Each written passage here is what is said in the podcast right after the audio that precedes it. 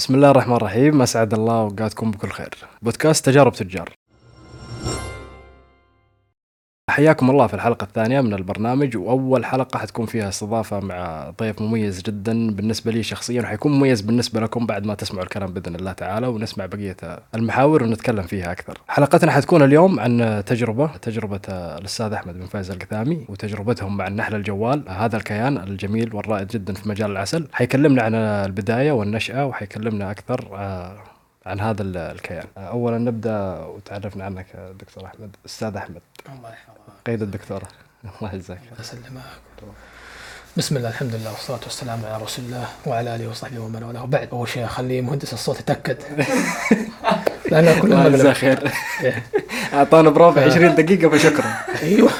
نقول آه الحمد لله. أخوكم أحمد بن فاز القثامي. آه طالب دكتوراه في الاقتصاد الإسلامي. ما شاء الله. عندي ماجستير في الفقه المقارن. مجالي التعليمي مختلف تماما عن عن المجال المهني. آه، نائب رئيس مجلس الإدارة لمجموعة النحلة الجوال. مجموعة النحلة الجوال التجارية تضم 13 علامة تجارية منها النحلة الجوال آه، مناحل النحلة الجوال اللي هي متخصصة في إنتاج النحل والملكات ملكات النحل. الحمد لله إحنا عندنا تعتبر أول محطة إنتاج ملكات في المملكة العربية السعودية مرخصة. ننتج الملكات البلدية ملكات النحل البلدية وأيضا طرود النحل. كمان عندنا لوازم الخلية منجرة متخصصة أو مصنع خلايا خلايا الخشبية صناديق النحل. آه، عندنا أيضا أحد العلامات التجارية التابعة لنا القثامي للحديد متخصصين في تشكيل المعادن عموما. وخلينا نقول أحد الروافد اللي تق... اللي تخدم آه يعني تخصص النحل الجوال اللي هو تصنيع خزانات آه ومعدات المناحل. ال stainless steel نعم. ما شاء وهذه من أحد يعني الأهداف اللي اللي يسعى إليها الوالد اللي هو توطين الصناعات النحلية بحيث إنها تكون كل ما نحتاجه نصنعه عندنا.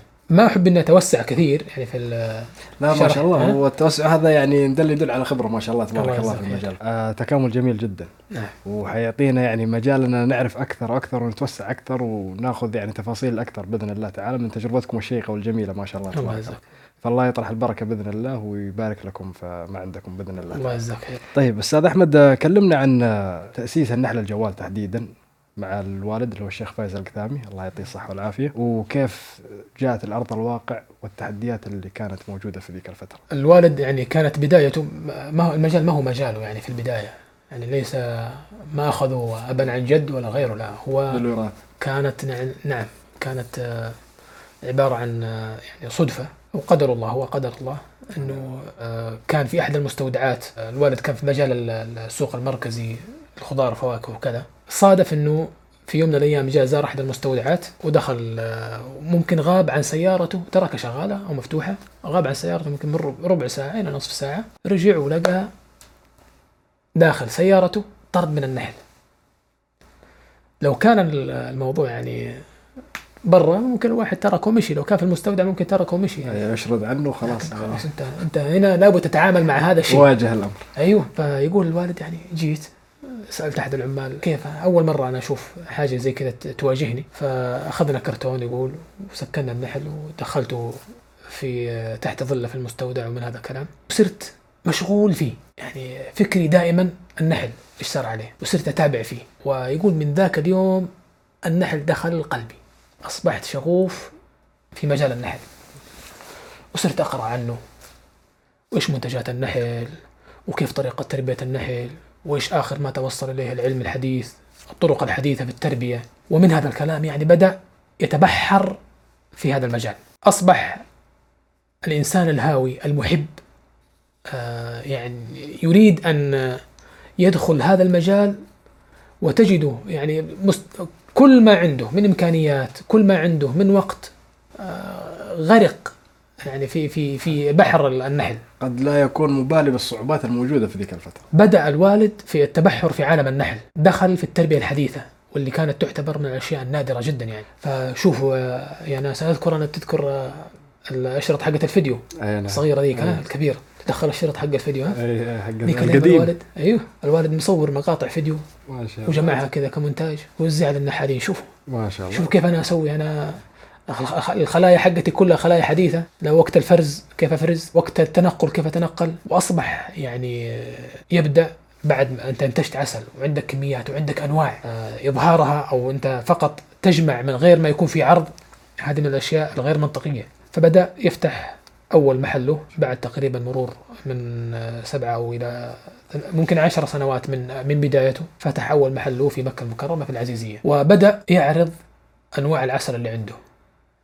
هذا وكان الناس تستغرب يعني ما ما حد يعرف إلا سدر سمر أنواع يعني بسيطة. المتعارف عليها في أيوه. المنطقة،. وكان يعرض مثل ما أنت ذكرت يعني أنتم عندكم عدد كبير من الأنواع. ليش يعني؟ لأنه هو عنده هدف. يرى أنه هو عنده سنارة أو عنده شبكة. أمامه آه، سمك كثير. فيجب أنه يستغل سنارته هذه في صيد كل ما يستطيع أن يصيده. فبدأ التنوع كهواية. بدأ التنوع كإنسان هاوي محب. يبغى فعلا يصل إلى إلى إلى هدف يصل إلى معلومة. فكان كل ما يرى نبات أو زهرة يقول هل هذه تنتج عسل ولا ما تنتج عسل؟ يقرأ عنها. إذا عرف عنها أنها تنتج عسل يركز عليها. ما عرف يقول خليني أنا أجرب.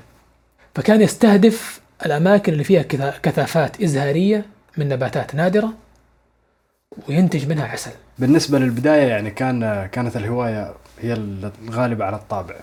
أكيد أكيد السوق كان فيه تحديات وكان فيه صعوبات كثيرة جدا. إذا ممكن تعطينا لمحة بسيطة عن الصعوبات اللي كانت موجودة في تلك الفترة ف في سوق الأغذية وسوق العسل تحديدا. كيف كانت الصعوبات اللي واجهتها الشيخ فيصل الكتابي؟ طبعا آه، ال- الجهل بمنتجات النحل الأخرى كان هنا في تلك الفترة كان أكبر. وما زال إلى الآن. وإلى الآن ما زال صحيح. لكن الآن في يعني الواحد يبغى يسأل وش منتجات النحل ممكن يدخل جوجل ويشوف. إيش اللي إيش الموجود. المعلومة صارت أسهل. فالثقافة في تلك الفترة كانت بسيطة جدا. وكان هذا فعلا عبء آه، على الوالد. في تلك الفترة الوالد كان عنده منشورات تثقيفية ومقالات علمية عن النحل. قلت لنا أنت الآن يعني ما شاء الله بدأ بأشرطة الفيديو. ما شاء الله غير غير الأشياء المكتوبة يعني.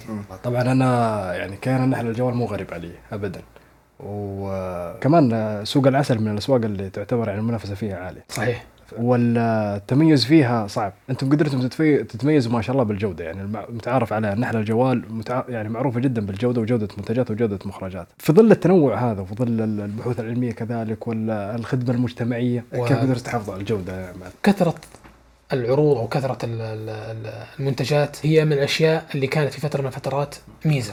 لا شك انه الواحد آه، إذا ما يكون حريص على أنه دائما يتابع ال- ال- الجودة عنده في جميع المنتجات هذا سيكون عنده نقطة سلبية في مجال معين أو في جانب محدد وكثرة هذه الأشياء ستولد صورة نمطية سلبية. نحن عندنا إدارة جودة من الأشياء اللي تميزنا أنه إحنا عندنا التكامل الأمامي والخلفي، فأنا م... أنا شخصيا أو خلينا نقول أنا يعني ك ك شركة أنا موجود في جميع المراحل، من مرحلة إنتاج الخلية كيف أنا أنتج الصندوق الخشبي حق النحل إلى مرحلة الشمع إلى إنتاج العسل، أنا اللي بنتج النحل، أنا اللي بجيبه، أنا اللي بنتج النحل، التصفية، التعبئة، التغليف، مستودعاتنا، ال- ال- الشحن أو السيارات سياراتنا المحلات. فأنا أنا بنفسي أمارس السلسلة ومشرف السلسلة كامله كاملة. أيوه. فأنت هنا بهذه الطريقة وعندك نظام جودة شغال عليه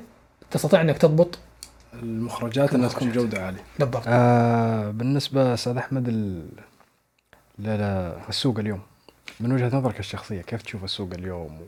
تحديدا قطاع التغذية وتحديدا العسل إذا قلنا بشكل أدق من مجالكم هل الدخول للسوق الآن أصبح صعب أو سهل؟ أو إيش التحديات اللي ممكن تواجه التاجر ممكن؟ مجال العسل مجال شائك ويعتمد على يعني الثقة.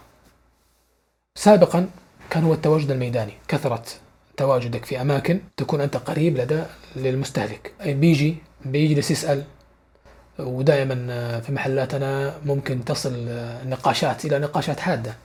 العميل الأول مرة آه، إذا كان بيجي عشان بيشتري عسل تجد عنده يعني أسئلة إذا وجد أنك أنت أرضيت آه، شغفه آه، جاوبت على جميع أسئلته سيكون واثق فيك ويستمر معك يأخذ منك. تجد أول ما يبدأ يشتري يكون هجومي. فكنا ننتشر يعني كنا نجتهد أن نكون متواجدين في جميع المناطق. حتى كل من يبحث عن منتج ذو جودة عالية من العسل والمنتجات العضوية نحن نكون قريبين منه. فعلا حققنا انتشار. الحمد لله لا يوجد منطقة إلا ولنا فيها فرع آه، من آه، خميس مشيط إلى مكة إلى الطائف جدة الرياض ال- حفر الباطن تواجدنا في جميع المناطق. في تلك الفترة أو في السابق كان التواجد الميداني مهم خلاف الفترة اللي نحن الآن فيها الحالية واللي هي التواجد الإعلامي أو الافتراضي مهم جدا. الفترة الأولى أو التجارة الأولى تحتاج إلى ميزانية عالية كمصاريف ثابتة. الآن لا يحتاج إلى إنسان يعرف القواعد الصحيحة للوصول إلى العميل لأنه إحنا مثل ما تكلمنا أنه الآن نسبة عالية من ال- ال- التركيبة السكانية هم شباب. وخلال الفترة القريبة هذه تغيرت الثقافة الشرائية لدى المستهلك. فأصبح النسبة العالية يبحث عن ما يريد من خلال جواله قريب منه. وليش أنا أشغل سيارتي؟ نعم و... ولا أدق على فلان؟ وين أحصل أحسن عسل؟ وين؟ ها؟ لا ابحث في النت. أكثر واحد أشوفه حريص على أنه يخسر في إعلاناته من هذا القبيل أنا والله أشوف أجرب منه مع أنه هذه للأسف انها في سوقنا سلبية جدا لأنه أصبح كل من يعني يستغل ركوب الموجة وأنتم عارفين يعني فترة كورونا كانت فعلا موجة قوية للعسل دعاية. للعسل كانت. نعم. فتجد كل من عنده رأس مال ويبغى تجارة دورة رأس المال فيها سريعة يركب موجة العسل وزي ما قلنا ما بين سنابة وسنابة إعلان عسل. وللاسف والله إنه كثير من هذه الإعلانات يعني فعلا كانت آه، يعني آه، من الأشياء ال- الرديئة. وأنا أقولها وكإنسان خبير فأعرف إنه كثير من هذه الأشياء من الأشياء اللي يعني مؤسف أنها تظهر بهذه الصورة مع المبالغة في الأسعار. لأنه المنتجات هذه هي في الأصل لا تستحق مثل هذا السعر. إذا عندنا نصيحة بنوجهها لل للشخص البسيط اللي حاب يبدأ التجارة هذه وحاب إنه يدخل في المجال هذا. إيش ممكن تكون النصيحة؟ حتى تصل إلى إلى ثقة المستهلك تحتاج إلى مضاعفة الجهد. ودائما السنة الأولى لا ترجو آه، يعني لا تبحث عن مكسب قدر ما تس... ما تبحث عن تكاليف أقل حاجة. أي ليش؟ الدخول في مثل هذا المجال هو أنك أنت إذا ربيت عميل أصبح عندك عميل ثابت. ميزة العسل أو التجارة في هذا المجال إنه إذا وثق فيك العميل أصبح عندك عميل ثابت مستمر معك. تبني ولاء مع العملاء أكثر. وسهل جدا بناء الولاء مع العملاء في هذا المجال تحديدا. أنا ماني سوبر ماركت ها المنتجات اللي عندي بيحصلها عند غيري ها لا إذا وجد عندي منتج وارتاح عليه ووثق فيه سيكون مستمر معي. المحافظة على هذا العميل مهمة جدا.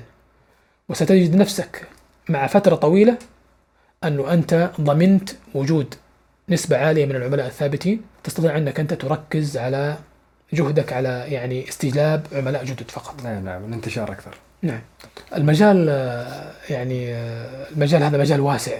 مجال خلينا نقول الصناعة الصناعة النحلية مهنة النحل. مهنة, مهنة النحل لا تختزل في فقط بيع عسل. هذا أحد المراحل المرحلة النهائية. إن- إني أنا أبيع العسل. لا ترى في قبلها في مراحل مراحل. كثيرة وعمليات كثيرة. هي نعم. مراحل نعم. الإنتاج لوجيستيك في إنتاج العسل مثلا خلايا النحل توفير المستلزمات أشياء كثيرة. وهي فعلا مهنة حساسة جدا يعني حقيقة يعني تتطلب مجهود عالي جدا وفيها عمليات كثيرة جدا فأشوف إنه يعني يبغى له حرص. وعادة ممكن أكثر الناس اللي ينجحوا فيها هم اللي يبدوا بشغف وبهوايه أكيد.